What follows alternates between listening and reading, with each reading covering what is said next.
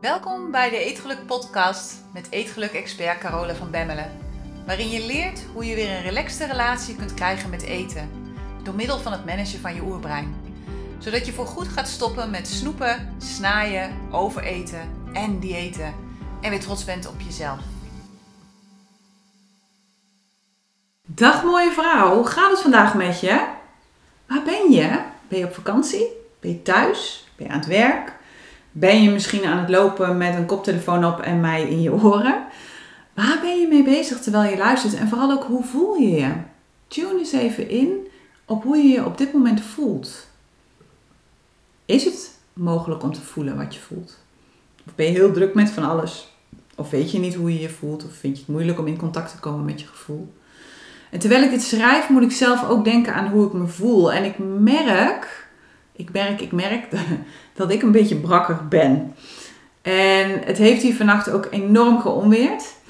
Dus ja, we hebben net een nieuw zonnedoek aan het huis gemaakt. Niet dat het enig effect heeft, want de zon schijnt er gewoon onderdoor. Dus Danny baalt als een stek aan. Danny is een rode. En die heeft een hele gevoelige huid. Dus die, ja, als het even kan, wil hij in de schaduw zitten. Maar goed, uh, we hebben dus een schaduwdoek, maar de zon schijnt er gewoon onderdoor. Dus het staat wel heel gezellig, dat dan wel. Maar ja, echt heel veel effect heeft het niet. Dus we moeten nog even wat anders verzinnen. Maar goed, vannacht met het onweer en de windstoten heeft hij het er toch maar even afgehaald.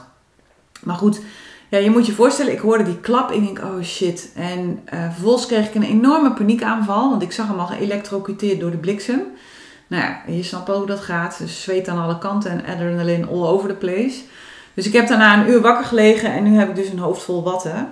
Want ja, als er iets is waar ik niet tegen kan, dan is het weinig slaap. Dus wat dat betreft is het maar goed dat ik nooit baby's heb gehad.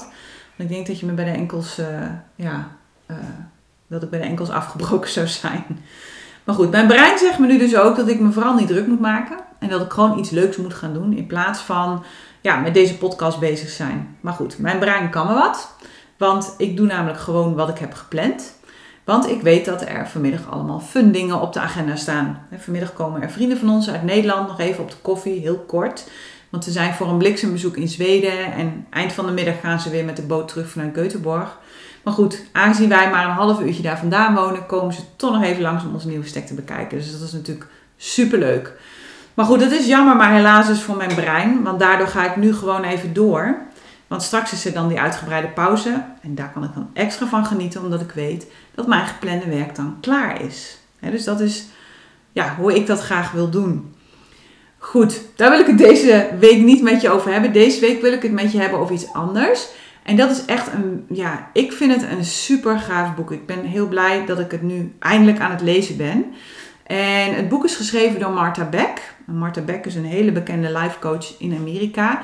En de titel van het boek is The Way of Integrity.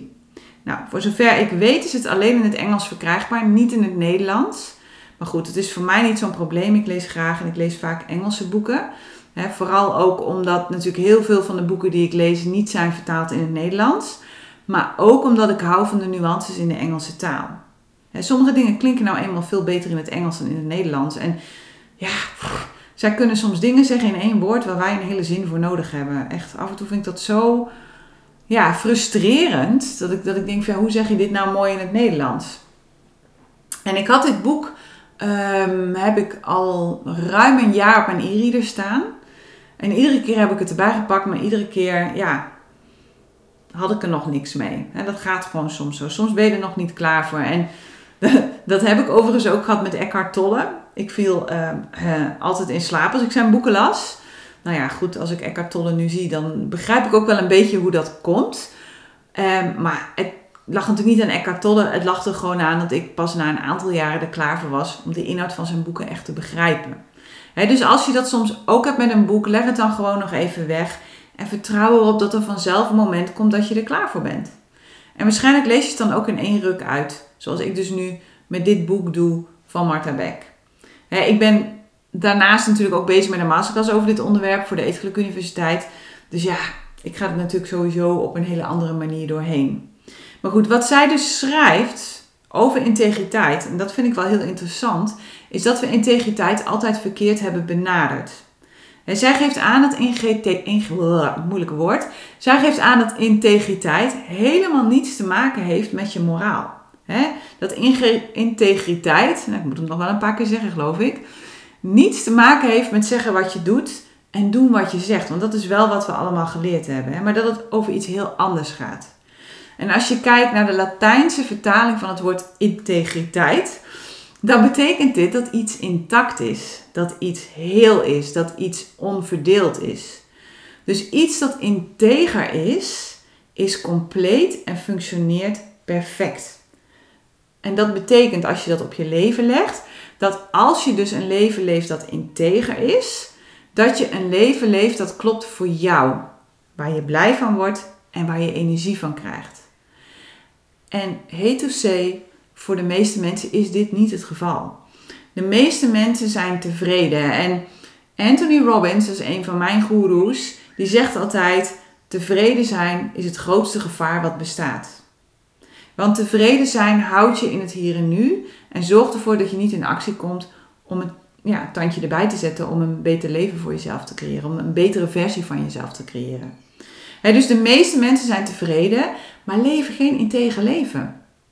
Hier en daar rommelt het. En voor hen is dat helemaal oké, om de dood eenvoudige reden dat ze niet geloven dat er meer mogelijk is, omdat ze denken dat hun huidige leven het maximaal haalbare is. En hoe vaak zeggen we niet tegen onszelf, ja, het is wat het is, meer zit er op dit moment gewoon niet in. En de vraag is, is dat echt wel zo? Of is dit zo'n gedachte die we denken om ja, ons dan toch maar oké te voelen met de situatie waar we eigenlijk niet oké mee zijn? Hè? Want diep van binnen weten we allemaal wat we nodig hebben om gelukkig te zijn en om zo goed mogelijk te kunnen leven. Maar het punt is, er is ook nog zoiets als cultuur en daar zitten we vaak in gevangen. We zitten vaak in een spagaat tussen uh, wie we willen zijn, wie we weten dat we kunnen zijn en alle dingen die we hebben geleerd, alle culturele normen en waarden. en die beïnvloeden jouw manier van denken, die beïnvloeden jouw manier van hoe je je voelt en jouw manier van hoe je je gedraagt. Want deze normen en waarden heb je nodig om bij de groep te horen en te overleven. Nou, hierbij kun je denken aan gedragsregels, maar hierbij kun je ook denken aan kledingregels in de vorm bijvoorbeeld van een dresscode. Verkeersregels is natuurlijk ook een hele leuke, maar bijvoorbeeld ook aan tafelmanieren of omgangsvormen. Nou, en die zijn heus niet allemaal verkeerd. Sommige dingen zijn gewoon nodig. Regels zijn soms ook nodig. Regels geven ook duidelijkheid en duidelijkheid geeft ook rust. Maar het kan ook te ver gaan. En in onze haast om erbij te horen, negeren we daarin vaak onze gevoelens. De gevoelens die we hebben over al die regels waar we ons aan ja, moeten, willen, geacht worden te houden. waardoor we dingen doen die we eigenlijk niet zouden doen als we naar ons diepere gevoel zouden luisteren. Het punt is alleen dat we nooit geleerd hebben om naar ons gevoel te luisteren. We hebben geleerd hoe we het kunnen verdoven. Dat hebben we geleerd en daar zijn we ontzettend goed in geworden. En daardoor passen we misschien wel in onze cultuur, maar we verdelen onszelf ook. We zijn niet meer in integriteit. En daardoor zijn we niet meer compleet en daardoor functioneren we niet meer perfect. Ja, oké, we functioneren, maar vaak op een veel lager kwalitatief pitje dan we zouden kunnen. We laten onze eigen natuur steeds meer in de steek. En wat, wat er gebeurt is dat we pionnen worden van onze cultuur. We worden pionnen die beleefd lachen wanneer we denken dat dat moet. We worden pionnen die ja zeggen terwijl ze nee bedoelen. We worden pionnen die perfecte kleren dragen. We worden pionnen die alles doen zoals het hoort. En waarom? Omdat we zijn gestopt met zelf nadenken en in plaats daarvan iedere dag opnieuw anderen volgen. En als het niet goed voelt, nou, dan verdoven we onszelf gewoon. Het punt is alleen dat jouw natuur niet opgeeft zonder te vechten. Jouw interne verdeeldheid zal steeds weer terugkomen. En dat herken je aan het constant zoeken van afleiding. Aan al die keren waarin je je niet houdt aan afspraken. Met jezelf, maar ook met anderen. wanneer je niet leeft vanuit integriteit met jezelf, dan voel je jezelf afgestomd. Het knaagt ergens, het schuurt ergens. Of je bent verdrietig of teleurgesteld. En je zult minder energie ervaren en je levensvreugde gaat afvlakken. je verliest focus en je verliest richting. En dat heeft allemaal zijn weerslag op je leven. Want alles om ons heen en alles in onszelf wordt negatief beïnvloed als je niet leeft vanuit integriteit. Je leeft dan een deel van jezelf, maar je leeft niet jouw hele zelf. En uiteindelijk ga je daardoor lijden. Uiteindelijk ga je daardoor ongelukkig voelen of ja, een bepaald knaagend gevoel van ontevredenheid of onbestemdheid. Ja, dat, dat, dat is wat er dan over je heen komt. Het kan zijn dat je aankomt in gewicht. Het kan zijn dat je een burn-out krijgt. Het kan zijn dat je ziek wordt of dat je failliet gaat. Het zijn allemaal manieren waarop jouw diepere instinct vraagt om aandacht. Ondertussen komt er hier een kat uit de kast. ik heb een kat die in de kast gaat zitten. Dan heeft hij een rustig plekje.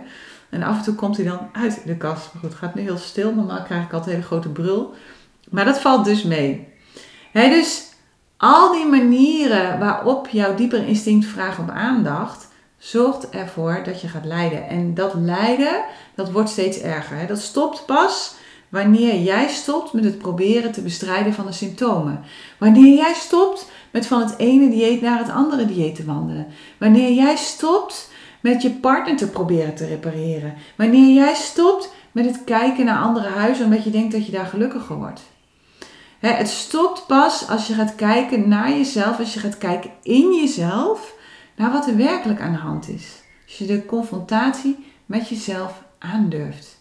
En dat is waar integriteit in het spel komt. En dat is eng, want vaak weten we wel dat als we dat gaan doen, dat we in actie moeten komen. En we hebben niet altijd zin in de actie waarvan we weten dat die erbij hoort. Maar goed, integriteit, of je nu wilt of niet, is wel de enige oplossing. Het is jouw enige geneesmiddel voor ongeluk. dus iedere keer als jij voelt van, ah, dan is het belangrijk dat je in jezelf gaat kijken van, hé, hey, wat is hier nou werkelijk aan de hand? Waar leef ik niet mijn volledige waarheid? En het gaat erom dat je gaat zien en ontdekken waar je jouw eigen waarheid in de steek hebt gelaten, in ruil voor vaak de culturele waarheid van een ander. In ruil voor het hoe en waarom dingen moeten of horen. En vaak gebeurt dat heel onbewust. Want het is nou eenmaal een van de basisbehoeften van je oerbrein om bij een groep te horen. Denk aan het hele mondkapjesgebeuren, nog niet zo heel lang geleden. Heel veel mensen wilden geen mondkapje dragen, maar deden het uiteindelijk toch. dus het is heel logisch dat dit gebeurt, omdat je oerbrein er altijd naar zal streven dat je bij een groep hoort. En ook al is dat niet misschien de beste groep voor jou, dan is dat toch wat je oerbrein doet. Ik ben op school bijvoorbeeld heel veel gepest. En het gevolg daarvan is dat ik had bedacht dat ik het beste bij de groep met populaire meiden kon horen. Maar ja, dat was helemaal niet wie ik ben. Ik ben geen snelle miep. Dat ben ik gewoon niet. Ik ben gewoon eigenlijk best wel heel erg een nerd. Maar goed, deze nerd wilde ineens merkkleding dragen. En deze nerd ging dingen doen die ze eigenlijk niet wilde doen. En ja, dat ging natuurlijk al best wel heel snel verkeerd. Want die meiden, die lachten zich dood. En die gebruikten mij alleen maar om af te kijken bij proefwerken. En lieten mij de dingen doen die ze zelf niet durfden. Nou, er zijn heel veel films waarin je dat ook ziet gebeuren. Daar was ik dus de underdog. En het heeft echt jaren geduurd. Echt jaren heeft dat geduurd. Tot ik op een gegeven moment op een punt kwam dat ik dacht van ja, weet je, fuck it, ik heb hier gewoon geen zin meer in. En op dat moment nam mijn leven een totaal andere wending en ging ik doen wat ik zelf wilde doen. Kon ik veel meer mezelf zijn. Nou, hetzelfde gold eigenlijk ook voor de relatie die ik heb gehad met mijn ex. Ik wist eigenlijk al best wel vrij snel dat wij niet bij elkaar hoorden. Het was een, echt een super kerel, echt werkelijk. En de vrouw die nu met hem getrouwd is, die heeft een lot uit de loterij. Maar niet voor mij. Ik ging met hem wandelen. En dat was niet goed. We waren hele goede vrienden, maar meer was het gewoon niet. En we hadden gerust samen honderd kunnen worden. Er was geen enkel probleem geweest. Maar het is niet de manier waarop ik een relatie wil leven. En ik ben in totaal tien jaar bij hem gebleven vanwege zijn familie. Terwijl ik eigenlijk na één jaar al wist van ja, het klopt niet wat je doet, Carola. Maar hij had echt een fantastische familie. Dus ik heb mezelf tien jaar lang aangepast. En ik heb ook tien jaar lang aan mezelf gewerkt. Omdat ik dacht dat er iets mis was met mij. Maar het enige wat er mis was, was dat ik in de verkeerde relatie ben gestapt. Uit angst om alleen te zijn en uit angst om met mezelf te zijn. En toen ik daar eenmaal voor koos, toen ik ervoor koos om uit die relatie te stappen, toen begon alles in mijn leven weer te stromen.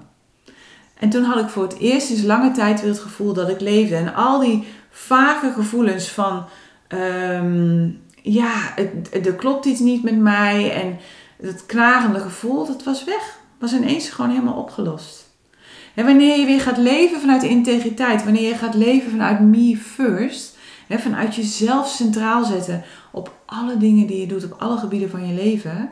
En nee, dat is niet egoïstisch. Dat is de grootste daad van liefde die je kan doen voor jezelf en voor de mensen om je heen. Dan omarm je jouw ware natuur en dan ervaar je het plezier dat jouw geboorterecht is. Juist wanneer je niet leeft vanuit integriteit, dan voel je je alleen en dan ben je in de war. En je hebt dan soms letterlijk het gevoel dat je in het verkeerde leven zit, zoals ik had met mijn ex. Ik leefde niet mijn leven, ik leefde dat van hem. En daardoor wist ik niet meer wat mijn passie was. Ik wist niet meer wat nu eigenlijk mijn levensdoel was. Ik was alleen maar aan het zoeken naar mezelf, buiten mezelf. Ik was steeds van alles aan het doen en heel hard aan mezelf aan het werken, omdat ik hoopte dat ik daarmee mezelf beter kon voelen. En pas op het moment dat ik besloot om mijn leven niet meer te leven zoals het hoort, toen vond ik mezelf terug. Maar dat was geen makkelijke beslissing. En het was geen makkelijke periode. we hebben allemaal geleerd hoe een goed iemand zich moet gedragen en hoe een goed iemand hoort te leven. En we denken allemaal dat wanneer we alles netjes doen zoals het hoort, dat we dan beloond worden. We denken dat als we maar goed leren en goede cijfers halen, dat het daarna vanzelf gaat. Dat we dan gelukkig zullen zijn omdat we een torenhoge hypotheek kunnen nemen en daarmee vervolgens dat droomhuis kunnen kopen en in die leaseauto kunnen rijden. En dat dit er vervolgens voor zorgt dat we ons goed voelen en dat we gelukkig zijn. Weet je, ik heb het allemaal gehad. Ik heb een prachtige winkel gehad, bomvol gepompt met leningen. Ik heb een mooi koophuis gehad. Ik ben drie keer per jaar op vakantie geweest, maar ik was verder van gelukkig. En pas op het moment dat ik alleen in een klein vakantiehuisje zat, omdat ik gestopt was met mijn relatie, met een faillissement aan mijn broek ook nog, voelde ik me veel vrijer. En het is bizar, maar waar. En nu zeg ik niet dat je dit voorbeeld moet volgen, alsjeblieft niet. Nee, wat ik eigenlijk zeg is dat ik dit allemaal had kunnen voorkomen als ik beter naar mezelf had geluisterd. Als ik niet zo druk bezig was geweest met het doen van dingen zoals ze horen en met het streven naar perfectie en met mezelf verdoven door maar druk bezig te zijn. En daarin ben ik nog iedere dag heel dankbaar voor alles dat er in het verleden is gebeurd. Het is helemaal goed dat het is gebeurd, want het heeft me namelijk gemaakt tot wie ik nu ben.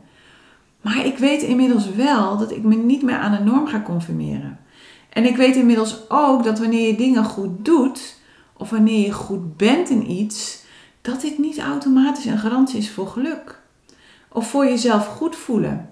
Ik ken genoeg topsporters die bakken met geld verdienen, die ontzettend goed zijn in wat ze doen, maar hartstikke ongelukkig zijn. Die twee die hebben echt niets met elkaar te maken. En het gevaar wanneer je jezelf niet goed voelt en je niet begrijpt waar jouw gevoel werkelijk vandaan komt, is dat je vaak nog meer gaat proberen om het goed te doen. Je gaat dan aan jezelf werken omdat je denkt dat je niet goed genoeg bent. Maar des te harder je werkt aan jezelf en des te harder je zoekt naar jezelf, des te verder je van jezelf verwijderd raakt en des te slechter je je vaak voelt. dus weet dat gevoelens van wanhoop en weet dat gevoelens van verwarring een signaal zijn van binnenuit om je te helpen en om je aan te geven dat je jezelf op de verkeerde weg bevindt. En des te verder je in die richting beweegt, des te verder je in de verkeerde richting beweegt, des te verder je van jezelf afbeweegt, des te erger de dingen vaak worden. En als je dat niet corrigeert, dan komt er vanzelf een moment dat je er niet meer omheen kunt en dat de grens is bereikt. En dat is het moment dat je de waarheid onder ogen moet zien. Zoals ik destijds met mijn faillissement. Maar het kan natuurlijk ook zijn dat je ziek wordt. Of dat er iets anders ontstaat in je leven, waardoor je gedwongen wordt om naar binnen te gaan en het contact met jezelf te herstellen. Het bereiken van iets dat cultureel gezien misschien heel bijzonder is, bijvoorbeeld een medaille of een promotie of het behalen van een diploma, zal nooit vervullend zijn op de lange termijn als het niet tot je doelen behoort die je op de lange termijn vervullen.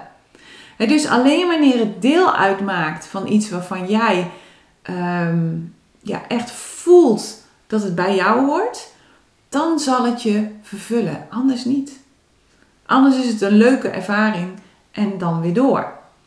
dus wanneer je doelloos voelen niet voldoende is, dan doet je onderbewuste er gewoon nog een stapje bij op door je allerlei emotioneel geweld te laten ervaren, zoals depressies, zoals paniek, zoals angstaanvallen. Misschien word je wel overspannen. Het enige dat deze emoties doen, is dat ze je laten weten dat je van je pad af bent. En als je daar niet naar luistert, kun je er uiteindelijk echt ziek van worden. En exact dat is het grote probleem in onze huidige maatschappij. Wij zijn volledig ontkoppeld van onze emoties. Nou ja, niet helemaal volledig, maar wel van het ervaren van onze emoties. We hebben nooit geleerd hoe we om kunnen gaan met onze emoties anders dan ze te verdoven. Anders dan onszelf af te leiden als we ons even niet goed voelen. En daarom zijn zo ontzettend veel vrouwen, maar ook mannen, emotieeters of emotieshoppers of emotiedrinkers. Nou, dat shoppen weet ik niet of dat ook geldt voor mannen, maar eten en drinken natuurlijk zeker wel. En in de Eetgelijke Universiteit besteed ik daarom ontzettend veel aandacht aan je emoties en aan hoe je ze weer kunt gaan voelen. Aan hoe je er anders mee om kunt gaan dan ze te verdoven. want zolang jij jouw gevoelens, jouw emoties blijft verdoven, zul je nooit terug kunnen komen bij jezelf. Zul je nooit die verbinding met jezelf kunnen herstellen. En als je ver van jezelf verwijderd bent, dan kan alles wat een hoge beloning heeft in je brein een verslaving worden. Nou, en dat is wat ik vaak zie gebeuren met vrouwen en eten. wanneer je dat combineert met onze culturele opvatting, dat wanneer iets niet werkt, dat je dan vooral nog meer van hetzelfde moet doen, dan snap je misschien nu wel waarom zo ontzettend veel vrouwen op dit moment met zichzelf in de knoop zitten. En niet een klein beetje. ons brein heeft geleerd dat de buitenwereld verantwoordelijk is voor ons geluk nou, de buitenwereld heeft allerlei culturele normen en waarden bepaald, waar we aan moeten voldoen. Ons brein denkt dat wanneer we ons aan deze normen en waarden houden, dat we dan gelukkig worden omdat we erbij horen. Maar juist daardoor raken we uit integriteit, raken we onszelf kwijt en ervaren we allerlei emoties waarvan we niet weten hoe we ermee om moeten kunnen gaan. dus, en het, het, het resultaat daarvan is het feit dat we niet weten hoe we met onze emoties om kunnen gaan, dat we onszelf nog meer gaan afleiden, dat we onszelf nog meer gaan verdoven en dat we vervolgens nog meer de verbinding met onszelf kwijtraken. En daardoor worden we steeds ongelukkiger en uiteindelijk worden we ziek of zitten we gevangen in zo'n eindeloze spiraal van, van dit gedrag, ja, dat we daar bijna niet meer uitkomen. Maar het punt is, wanneer iets niet werkt, en onthoud dit alsjeblieft goed. Dit is het allerbelangrijkste uit deze hele podcast van vandaag. Wanneer iets niet werkt, heeft het geen zin om er meer van te gaan doen. Wanneer iets niet werkt, is het verstandig om iets anders te gaan doen. Echt. Waarheid als een koe. En in mijn epigenetica opleiding had ik een fantastische juf. Want ja, zij deelde natuurlijk heel veel over haar kennis, over gezondheid, over voeding. En er waren natuurlijk altijd mensen die het niet met haar eens waren. En die ja, een andere ervaring hadden of een andere behandeling voorstelden of die een andere behandeling hadden gevolgd. En haar stevaste antwoord was: En, werkte het?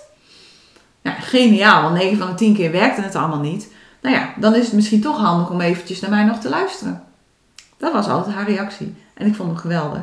want waarom zou je doorgaan met dingen die niet werken? Hebben we dat niet veel te lang al gedaan? En exact dat is wat ik doe in de Eetgelijke Universiteit. Ik ga je uh, heel veel dingen afleren. En ik ga je vooral afleren om aan jezelf te werken. Ik ga je afleren om boos te zijn op jezelf. Ik ga je afleren om jezelf te veroordelen. Want je bent namelijk al helemaal perfect. En het enige dat ik wil voor jou is dat jij jezelf opnieuw gaat creëren. Iedere dag opnieuw. En dat jij jezelf opnieuw heel bewust opnieuw gaat creëren. Niet dat je onbewust herhaalt wat je in het verleden hebt gedaan, maar dat je heel bewust jezelf opnieuw gaat creëren. En dat je daardoor weer steeds meer gaat worden wie je bent. Want wanneer jij weer een relaxte relatie hebt met jezelf, wanneer jij weer gaat leven vanuit me first, hè, wanneer jij jezelf weer centraal durft te gaan zetten op alle gebieden van je leven, wanneer jij weer gaat leven vanuit wat goed is voor jou, dan komt de rest vanzelf en hoef je eigenlijk niet eens heel veel voor te doen. En dat is natuurlijk toch het lekkerste wat we willen. Hè? Mooie resultaten en niet al te veel moeite ervoor doen. Dat is waar we voor gaan. Goed, mooie vrouw, dat was hem voor vandaag weer. Ik wens je een hele fijne week. Als je mensen hebt, als je vrouwen kent die hier ook baat bij zouden kunnen hebben, geef deze podcast dan vooral door. En wij spreken elkaar volgende week weer. Tot dan. Hey, als je het fijn vond om naar deze podcast te luisteren Kijk dan eens naar de Eetgeluk Universiteit. Dit is de Netflix op het gebied van eetgedrag, waarin ik dieper inga op alles dat ik deel in deze podcast. En waarin ik je leer hoe je dit kunt toepassen in jouw leven. En misschien wel het allerbelangrijkste, op jouw eetgedrag. Je vindt alle informatie op degelukkigeeter.nl. Het lijkt me super om jou daar te zien. Tot daar.